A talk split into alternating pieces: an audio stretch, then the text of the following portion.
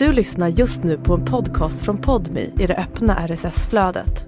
För att få tillgång till Podmis alla premiumpoddar helt utan reklam, prova Podmi Premium kostnadsfritt. Ladda ner appen i App Store eller Google Play.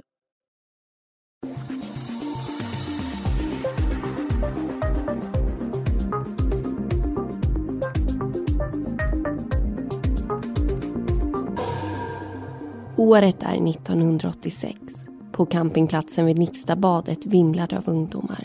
De är där för att fira den stora högtiden. Men firandet övergår snart i kaos. På flera håll uppstår det bråk och i vissa fall utmynnar bråken i slagsmål. Sparkar och slag utdelas till höger och vänster. Någon kommer springandes med en flaska i handen. Två killar rullar ner för en slänt. När det äntligen lugnar ner sig och ungdomarna skingrar sig ligger en kille kvar på marken. Han reser sig inte upp och skulle inte heller göra det. Den här killen hade inte alls kommit dit för att bråka. Ändå hamnar just han i stormens öga.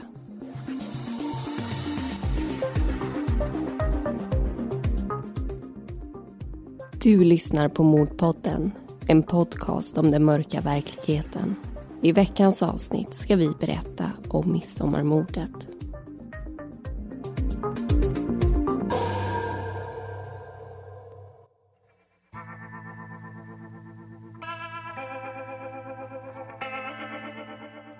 Midsommar. Borden dukas upp med färskpotatis, sill, burkskinka till barnen, gräddfil, kanske någon snaps som slukas efter någon tagit ton till en visa, skratt, musik. Människor dansar runt som grodor kring en blomsterklädd stång. Hela sommaren ligger framför ens fötter. Semestern har för många inte ens börjat. Det är en glädjes tid. Men 1986 fick den här högtiden något helt annat att förknippas med en ung killes död. Han ville precis som många andra bara ha en trevlig kväll tillsammans med sina vänner. Men en scen spelades upp som bara inte kunde accepteras. Några vänners civilkurage blev förmodligen ett par 13-åringars räddning men också 21-årige Ronnys död. Det är den 20 juni 1986. Ronny har haft en trasslig tid bakom sig med drogmissbruk men han har nu lyckats bli fri från det och fått ordning på sitt liv. Han beskrivs av sina nära och kära som omtänksam och hjälpsam. Positiva och fina egenskaper, men som skulle försätta honom i en utsatt och farlig situation. Han har precis blivit anställd av ett städbolag i Nynäshamn. Även om hans största dröm i livet är att jobba med musik är det här jobbet ett steg i helt rätt riktning för honom. En bra sommar ligger framför honom och det ska självklart firas tillsammans med goda vänner. Han och kompisarna Joel och Wilmer och några till beger sig till Nixtabadet i Nynäshamn.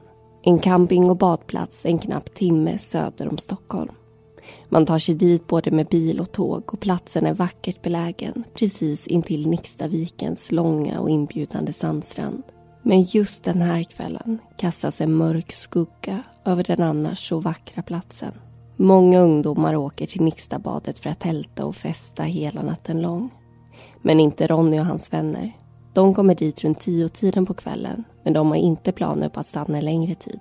De tänker bara att det skulle vara kul att åka dit en stund och kolla på folk. Och det finns många ungdomar att titta på. Ett gäng med rakade huvuden, stora tunga kängor på fötterna och jeansjackor över axlarna är också på väg. Och en person har hört dem säga att de ska jaga iväg alla utrikesfödda från Nixtabadet. Annette är flickvän med Tony som är en i det här gänget. De åker tåg tillsammans från Stockholms central klockan tio över två på midsommarafton. Parets plan är att festa på Nixtabadets campingplats och sen sova över hos Tonys föräldrar som bor i Nynäshamn. De kommer fram till campingplatsen runt fyra tiden och möter upp Tonys syster i hennes tält. De blir sittande där ett par timmar men går sen iväg och tittar på en fotbollsmatch som drar igång mellan några olika gäng. Annette och Tony dricker öl under tiden den pågår. När matchen är slut stämmer båda lagen upp i nationalsången och marscherar gemensamt upp mot tälten. Några utrikesfödda ungdomar ropar ogillande mot dem. Tony blir arg och skriker tillbaka samtidigt som han håller upp en kniv bredvid sitt huvud för att skrämmas. Ungdomarna blir rädda och packar ihop sina tält och tar sig därifrån. Lite senare kommer Tonys pappa förbi och hämtar upp Annette med bilen. Han ska skjutsa henne till tågstationen där hon ska möta upp några vänner som också ska vara med och fira midsommar. Men tåget kommer utan att vännerna sitter på så Annette får återvända till Nixtabadet ensam. Hon och pojkvännen Tony är med varandra till och från under kvällen. Ena stunden är Annette med honom. Andra stunden går hon runt själv och pratar med kompisar som också befinner sig på campingplatsen. Det låter som en trevlig och ganska harmonisk kväll. Men hennes pojkvän skulle snart få en av huvudrollerna i ett stort slagsmål som skulle bli starten på en riktig mardrömsmidsommarafton. Precis som vanligt den här högtiden visar sig inte vädret från sin bästa sida. Trots en omtalad värmebölja som ska skölja över landet är det just den här dagen mulet och disigt. Det är som om molnen bara väntar på att få gråta en skvätt. På grund av de relativt dåliga väderförhållandena skulle det också bli svårare för vittnen att se ordentligt vad som verkligen utspelade sig framför deras ögon. Och just vittnen skulle bli ovärderliga i det här sammanhanget. Men vi ska backa bandet ännu en gång. För det är fler personer som kommer få avgörande roller i det kommande händelseförloppet. Och innan vi hoppar till slutet ska vi få veta hur deras midsommarfirande börjar. Runt klockan åtta på kvällen dyker Klas upp vid Nixtabadet tillsammans med några vänner. Han är redan berusad. På sig har han lappade jeans, en collegetröja och röda kängor. Huvudet är renrakat. Tanken är att han ska övernatta på campingen så han har många timmar firande framför sig.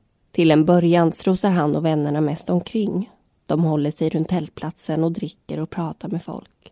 En av Klas kompisar heter Andy för hans del börjar förberedelserna för midsommaraftonskvällen hemma i hans bostad på Kungsklippan.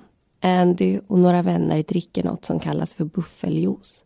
Det är en riktig häxblandning som inte dricks för den goda smakens skull utan för att man blir berusad väldigt snabbt. I det här fallet består buffeljuicen av sex flaskor vin, tre liter sockerdricka och somriga jordgubbar. Efter några timmar beger de sig till tågstationen där de möter upp ett tjugotal andra ungdomar Tillsammans ska de ta sig till Nynäshamn. Det blir långt ifrån en tyst och lugn tågresa. Många är fulla och bär sig illa åt på olika sätt. Och spriten fortsätter flöda. På Nixtabadet blir det snabbt stökigt och bråkigt. Tore, som även han är en del av det här gänget, är med och spelar fotboll efter ett bråk uppe vid tälten. Men inte heller bollleken tillåts vara konfliktfri. Tore och hans vänner anklagas för att ha stulit ett par bilnycklar det hela visar sig vara ett missförstånd så även det här orosmolnet skingrar sig utan att någon kommer till skada. Efter matchen går Tore upp mot tälten igen. Tore har alltså precis klarat sig ur ett bråk men Andy blir då inblandad i ett. Han och några vänner befinner sig vid kiosken. Det gör även ett gäng utrikesfödda ungdomar.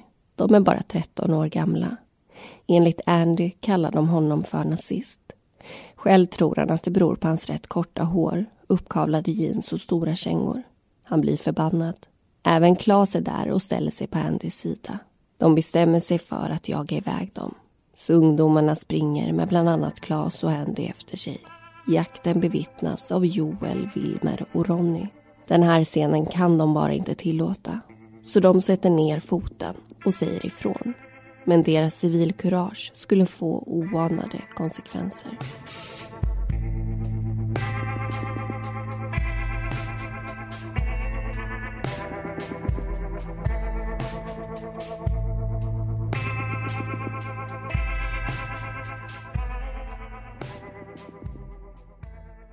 Ja, då vill vi välkomna er till ett nytt avsnitt. Och I det här fallet så har vi alltså hoppat tillbaka till 80-talet. Och det är som ni förstår en väldigt kaotisk kväll. Det som hände var inte tänkt att hända från början. Men det här är ju ett väldigt tydligt exempel på hur någonting kan urarta också väldigt snabbt. Vilket vi även såg exempel på i förra veckans avsnitt som på många sätt påminner om det här. Ett bråk som slutar med en dödsmisshandel. Och när någonting urartar så kan det också komma till en gräns där det inte finns någon återvändo. Det går för långt helt enkelt och man kan inte backa i tiden. Och i det här fallet så mister alltså en ung man livet och det kan man inte ändra på hur mycket man än skulle vilja. Och det är lite det vi vill prata om i den här diskussionen. För vi närmar oss ju faktiskt midsommar på riktigt och nu i pandemitider blir det förmodligen inte så stora firanden men det kan kan säkert bli ganska stökigt på sina håll i alla fall. Och då kan det här fallet vara någonting som kan vara bra att ha med sig i bakhuvudet. Ett skräckexempel på hur illa det faktiskt kan gå. Och vi får inte glömma att orsaken till det här bråket det är ju faktiskt att de här killarna står upp för någonting bra. De visar ju civilkurage, det är oerhört imponerande och det är viktigt också. Och det är inte många som vågar göra det. Vilket får mig att önska att den fina insatsen som de gör också hade resulterat i ett bättre slut. Och just när det kommer till slagsmål och misshandel så tänker jag på filmer och att jag verkligen, verkligen hoppas att ungdomar förstår hur orealistiska de är. För där kan ju en person bli sparkad och slagen hur många gånger som helst. Det kommer lite blod, den blir lite groggy kanske, men den reser sig ändå upp igen. Och det kan ju då vara lätt att tro att det inte är så farligt att slå till en person. Men i själva verket så kan det ju räcka med en spark eller ett slag för att en person ska bli totalt utslagen och i värsta fall också dö. Och film och tv är väl inte det mest pålitliga om man vill förstå hur våld faktiskt påverkar den som blir utsatt. Eh, för det är ju som du säger, det är mycket våld som får liten effekt. Och det är ju för att det ska vara intressant att titta på, alltså inte nödvändigtvis lärorikt. Och förutom sparkar så är det ju rätt vanligt i filmvärlden att någon också blir slagen gång på gång på gång. Och sen kommer någon med en glasflaska och slår den här personen i huvudet och då svimmar personen av. Eh, men det är ju också så att verkligheten ser lite annorlunda ut där. Ja, I den här domen så säger faktiskt rättsläkaren att utifrån hans yrkesmässiga erfarenhet så ger sparkar mycket värre effekt än slag med föremål som till exempel flaska. Och det här innebär såklart inte att ett slag med en flaska inte är farligt. Det kan ju ge jätteallvarliga skador också, det behöver jag nog inte ens säga. Men det kan vara bra att ha med sig att även sparkar är lika, om inte ännu mer farligt. Och 2007 så tog Brå, Brottsförebyggande rådet, fram siffror på när misshandelsbrott vanligtvis sker. Och slutsatsen är att det är under storhelger som valborg, nyår och även då midsommar som det polisanmäls väldigt mycket mer misshandelsbrott än på andra dagar under året. Och andra helger som sticker ut är också de som kommer direkt efter löning. Och enligt den här artikeln, som då som sagt har några år på nacken, så anmäls det i genomsnitt 207 misshandelsbrott per dag i Sverige. Och det tyckte jag lät väldigt mycket faktiskt. Och det handlar alltså om ännu fler när det är storhelger. Och nyår är då den värsta storhelgen. Då brukar det ske runt 600 anmälningar. Och om vi lämnar storhelgerna så görs det ändå mest anmälningar på helger. Brotten begås vanligtvis natten till lördagen eller natten till söndagen. Och för vuxna så äger 57 procent av misshandelsbrotten rum mellan klockan 10 på kvällen och 6 på morgonen. Men hoppar vi från vuxna till riktigt unga personer, närmare bestämt åldersgruppen 7 till 14 år, så har huvuddelen av dem istället begåtts under dagtid eller tidig kväll. Och nu blev det en hel del siffror, men det kan ju faktiskt vara bra att ha med sig det här och förstå hur det ser ut i Sverige. Nu släpper vi dock det och vi dyker tillbaka direkt in i berättelsen.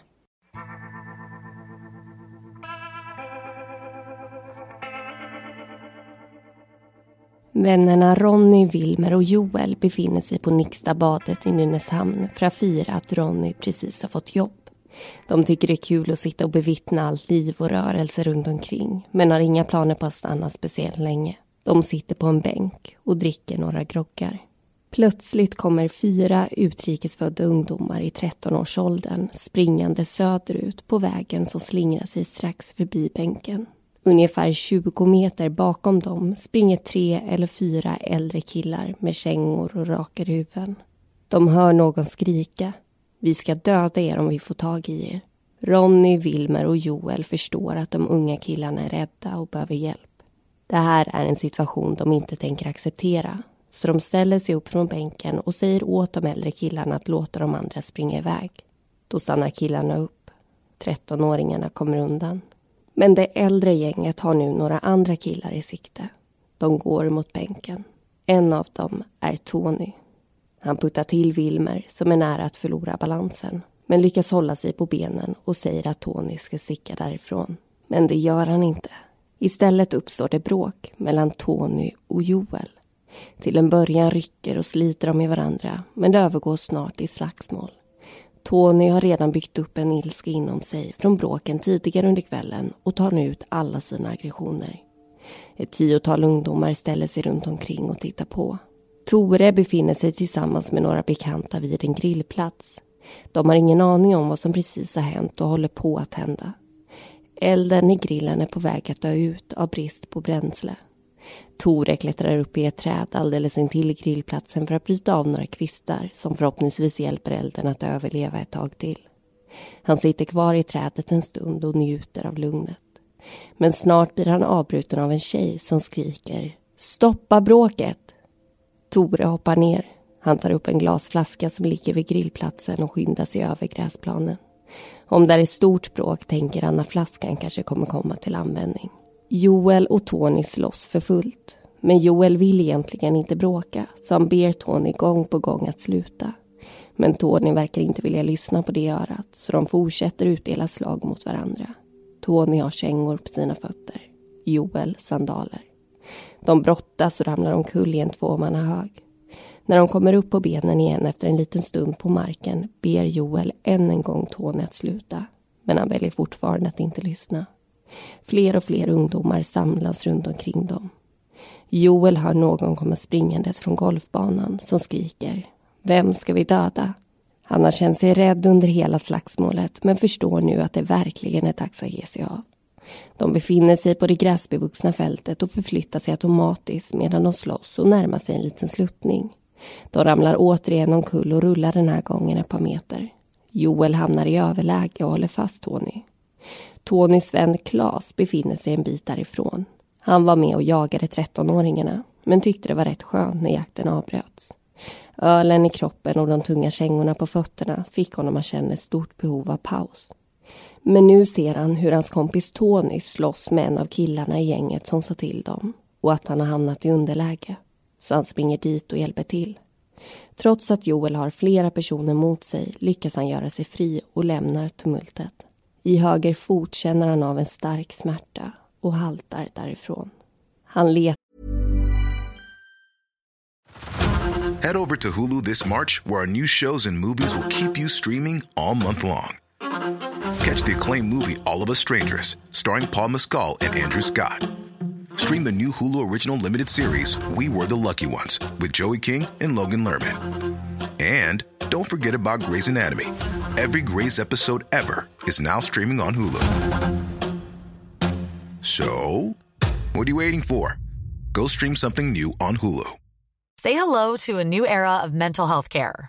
Cerebral is here to help you achieve your mental wellness goals with professional therapy and medication management support. 100% online.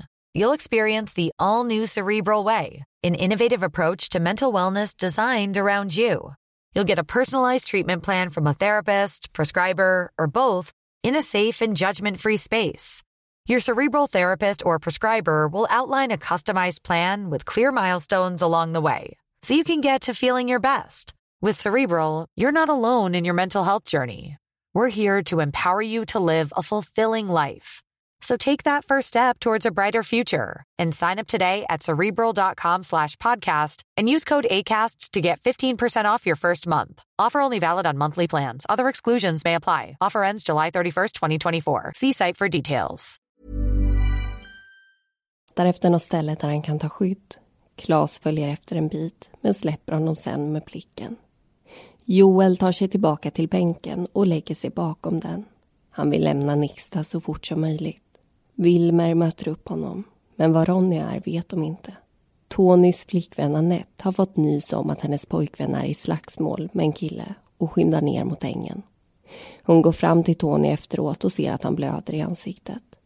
Precis som Joel har han också fått sig en hel del smällar. Flickvännen följer med honom till toaletterna där han tvättar av sig de värsta spåren från det han precis varit med om. Man kan önska att det här slagsmålet var det värsta som hände under kvällen och att det nu skulle lugna ner sig och övergå till det trevliga midsommarfirandet de alla hade kommit dit för. Men tyvärr har den här historien bara börjat. Joel lyckades ta sig ur slagsmålet men i samma veva hamnar hans kompis Ronny ofrivilligt i händelsernas centrum istället. Flera personer ger sig på honom trots att han är ensam. Det är alla mot en. Inte alls rättvisa förhållanden. Men rättvisa verkar inte heller vara ledordet under den här kvällen. Ronny lyckas försvara sig ganska bra till en början. Men när han försöker springa iväg råkar han snubbla och när han ligger på marken ser angriparna sin chans. Ronny försöker komma undan genom att rulla sig åt sidorna och håller händerna framför huvudet för att skydda sig så gott han kan mot slag och sparkar. Angriparna är uppretade efter tidigare bråk under kvällen och det är nu Ronny som får ta emot deras aggressioner.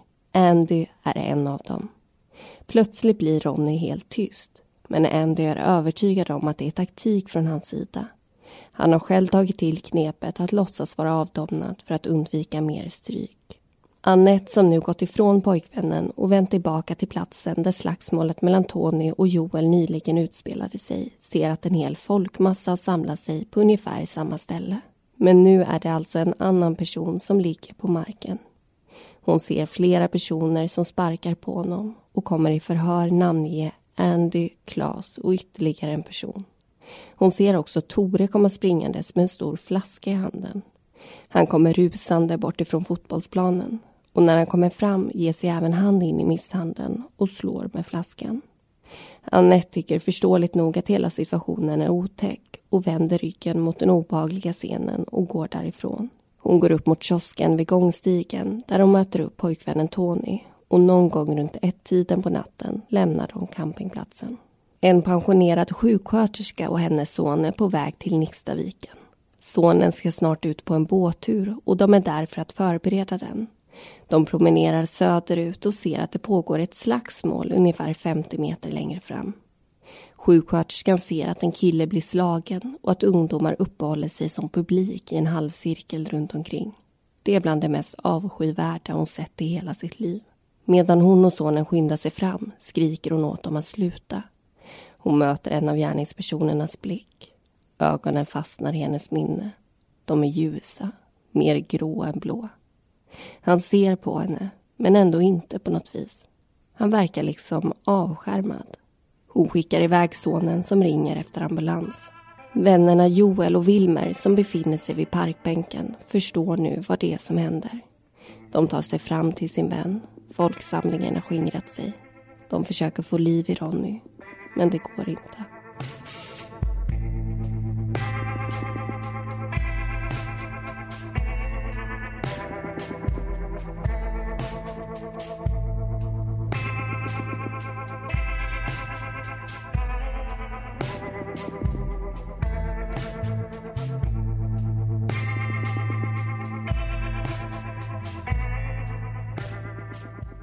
Mm, och där har vi alltså hört hur det här stora bråket slutar. Och jag måste säga att jag får faktiskt illa utav att läsa den här delen innan den spelades in. För det är så många människor som är på plats och de flesta bara står och tittar på. Och när SOS Alarm kontaktas så är det ju tyvärr redan för sent för Ronny. Men det är inte det vi ska fokusera på i den här diskussionen utan vi ska istället prata om gärningspersonerna och vi ska prata om framförallt Klas. När det här hände så var inte Claes tidigare dömd men dråpet på Ronny blev faktiskt starten på hans kriminella bana. Han har senare dömts för bland annat rån och grovt vapenbrott. Och I den tredje berättelsen så kommer vi berätta hur tingsrätten resonerar och vem som döms för vad, som vi brukar göra. Men vi kan ju redan nu säga att Claes kommer att dömas för dråp och i tingsrätten få åtta års fängelse. Men hovrätten sänker senare det till fyra år och han är faktiskt på fri fot redan två år efter att den här dödsmisshandeln ägt rum.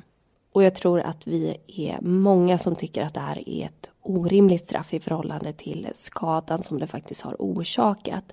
Även om det inte var ett planerat mord så var det en väldigt medveten handling som ledde till en ung mans död. Och att man då kan vara ute redan efter ett par år är ja, ganska ofattbart kan jag tycka. Men det ska vi inte prata vidare om utan ni får ju själva ta ställning till vad ni tycker om den här straffskalan. Och tillsammans med två kompisar så grundar ju faktiskt Klas den rasistiska rörelsen Vitt ariskt motstånd efter det här. I en artikel så beskriver Expressen Klas fortsatta kriminella bana. Han är med och rånar en bank och försökte sen faktiskt också fly från Tidaholmsanstalten där han avtjänade sitt straff för det här rånet. Men det flyktförsöket eh, misslyckas som tur är. Och det blossar sen upp konflikter inom rörelsen Vitt ariskt motstånd och det leder till att den läggs ner. Men Claes fortsätter sin nazistiska kamp och får en ledande roll inom SMR, alltså Svenska motståndsrörelsen. Och det här är en nazistisk gruppering som kan kopplas till flera brutala våldsbrott. Och Claes är faktiskt en av de kändaste i Sverige inom SMR så det är därför vi har valt att behålla hans riktiga namn. Det vore helt enkelt helt förvirrande och konstigt om vi inte gjorde det eftersom han redan blivit så omskriven i medierna. Annars så brukar vi byta som ni vet men då förstår ni varför vi har valt att göra annorlunda i det här fallet. Och 2012 så sker ju faktiskt en liknande händelse. Utanför en ICA-butik i Vallentuna så blir ju en ung kille misshandlad till döds efter att det har uppstått ett bråk. Även där har ju gärningspersonerna också kopplingar till svenska motståndsrörelsen. Och de här båda händelserna påminner ju väldigt mycket om varandra. Det är ett litet bråk som på grund av våld leder till en persons död. Men vi släpper SMR och Klas tycker jag och pratar mer om Ronny och just det här fallet. Efter den här händelsen så skapades faktiskt ett pris i Ronnys minne.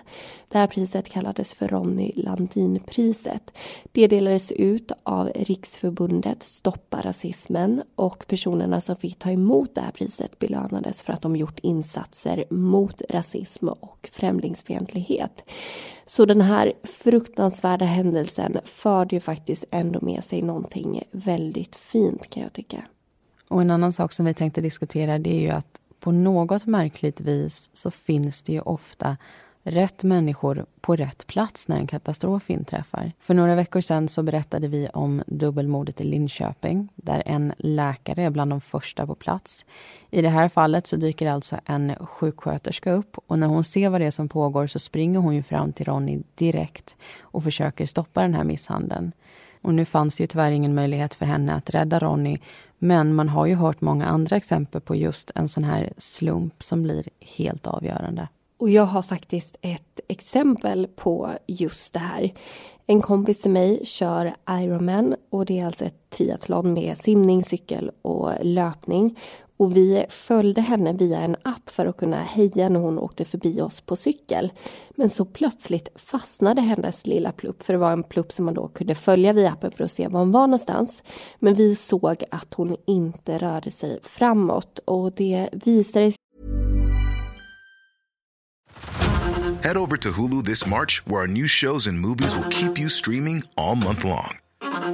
Catch the acclaimed movie All of Us Strangers, starring Paul Mescal and Andrew Scott.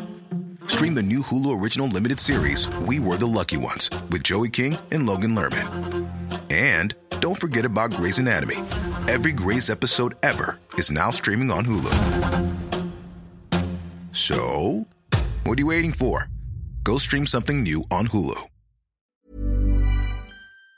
Sig sen att hon tyvärr hade vurpat väldigt, väldigt illa. Men då så sprang det genast fram personer som fanns i publiken. En var psykolog, en läkare och en brandman tror jag. Och annars i våra avsnitt så berättar vi alltid om personer som befinner sig på fel plats vid fel tillfälle.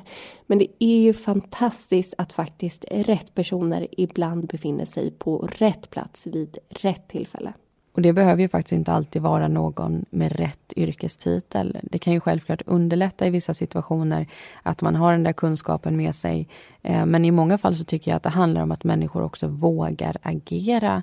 Någon måste ju vara den första som sätter ner foten eller springer fram och hjälper beroende på vad det är för situation man har framför sig.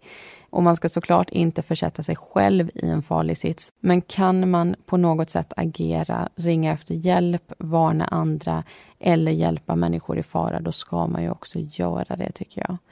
Och med det sagt så tycker jag att vi rundar av för det har blivit dags att lyssna på upplösningen utav det här fallet.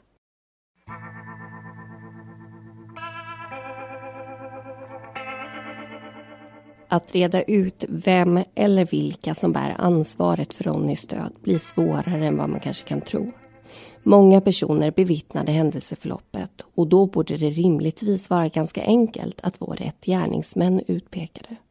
Men trots många vittnen är det få som träder fram och berättar om det de såg den där midsommarkvällen 1986. Och de som delar med sig av sina iakttagelser är ändå osäkra när de ska peka ut rätt personer vid en konfrontation. Det var mycket tumult på Nixtabadet och flera bråk. Några verkar dessutom ha svårt att skilja på slagsmålet mellan Tony och Joel och misshandeln av Ronny. De registrerade aldrig att det var olika personer utan trodde att Joel hela tiden var den som utsattes för våldet. De flesta som befann sig på platsen var dessutom berusade vilket såklart försämrar deras förmåga att iaktta och uppmärksamma vad som händer och sen också komma ihåg det. Många var också klädda ungefär likadant. Stora tunga kängor, slitna jeans och rakade huvuden. Det är helt enkelt väldigt svårt att avgöra vem som gjorde vad och när. Vem sparkade? Vem slog? Hur hårt? Hur många gånger? Hur mycket? Och vem var det som utförde så pass mycket våld att Ronnys liv tog slut? Var det en specifik person, ett specifikt slag? Eller var det den totala mängden våld från olika gärningsmän tillsammans som ledde fram till tragedin? Det är upp till tingsrätten att reda ut och avgöra. Det finns en person som av medierna pekas ut som kronvittne, nämligen Tonys flickvän Annette. I de inledande förhören berättar hon att hon har sett Andy, Klas och ytterligare en person sparka på Ronny som låg ner på marken. Hon såg även Tore komma springandes med en flaska som han slog mot den unge mannen. Men vid huvudförhandlingen ändrar hon sin berättelse och väljer en betydligt försiktigare linje. Hon säger att hon har en massa småbilder i huvudet som hon inte riktigt lyckas placera ihop. Hon vet plötsligt inte hur hennes eget rörelsemönster under misshandeln såg ut. Uppgiften om att hon sett kraftiga sparkar tar hon tillbaka. Det menar hon att hon aldrig överhuvudtaget har sagt. Och hon är nu osäker på om det verkligen var de utpekade personerna hon såg. Det kan hon inte längre säga med säkerhet. Det var så mycket folk runt omkring och hon befann sig långt ifrån händelsernas centrum så hon såg inte ordentligt för att kunna komma med sådana allvarliga anklagelser och riskera att någon döms för att hon såg eller uppfattade situationen fel. Hon påstår att hon under polisförhöret kände sig pressad och tvingad att svara på frågor hon egentligen inte hade svar på och att hon därför sagt saker som hon inte kan stå för och som hon nu vill ta tillbaka. Rättegången pågår i tolv dagar. Tony är åtalad för misshandeln av Joel och Andy, Klas och Tore är åtalade för dödsmisshandeln av Ronny. Händelseförloppet har en förvirrande bakgrund där bråk förekom här och var. När det gäller slagsmålet mellan Tony och Joel råder det delade meningar kring vem som inledde bråket. Tony menar att det var Joel och att de båda var överens om att de skulle slåss. Medan Joel menar att Tony pucklade på honom utan anledning och att han gång på gång bad honom att sluta. Tingsrätten lyckas inte avgöra vem som egentligen var initiativtagaren men det är inget snack än att det är Tony som orsakat Joels skador. Trots att han själv förmodligen också blev skadad och utsattes för slag föreligger det inte några förmildrande omständigheter. Dödsmisshandeln av Ronny är svårare att reda ut.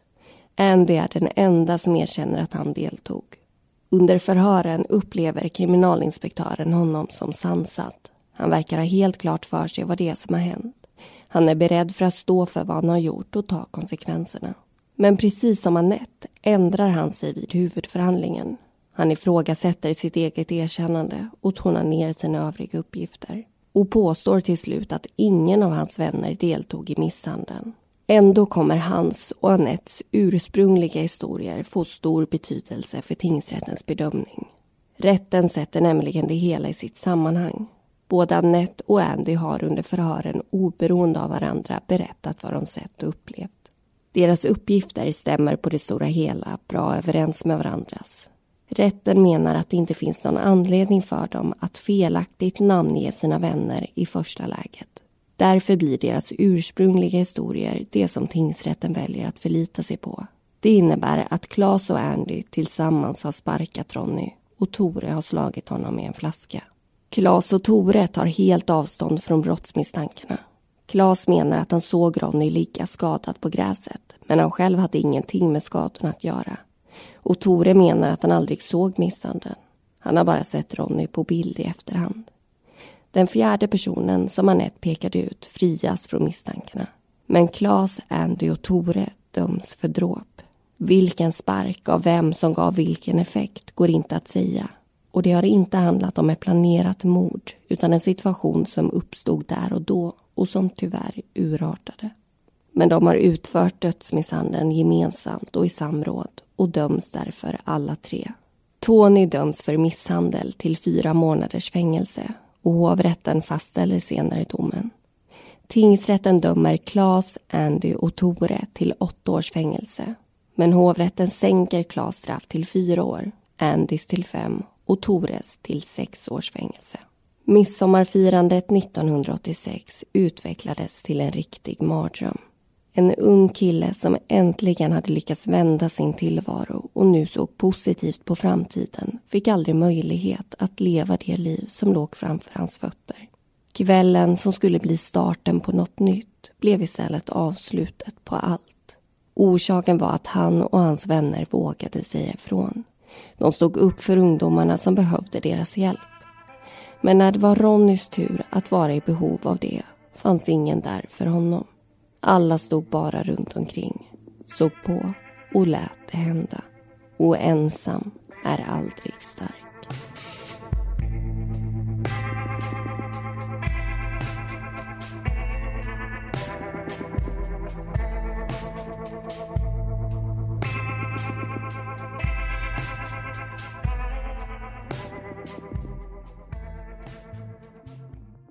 Och det var allting vi hade att berätta om midsommarmordet. Alla personer i berättelsen förutom Ronny och Claes heter egentligen någonting annat och informationen är hämtad från domarna i fallet och artiklar. Nästa vecka är vi tillbaka med ett nytt avsnitt från Södermanland. Missa inte det.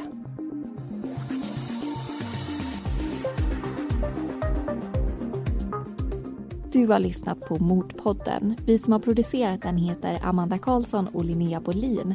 Bakgrundsmusiken var bland annat Soaring av Kevin MacLeod och Deep Space av Audionautics.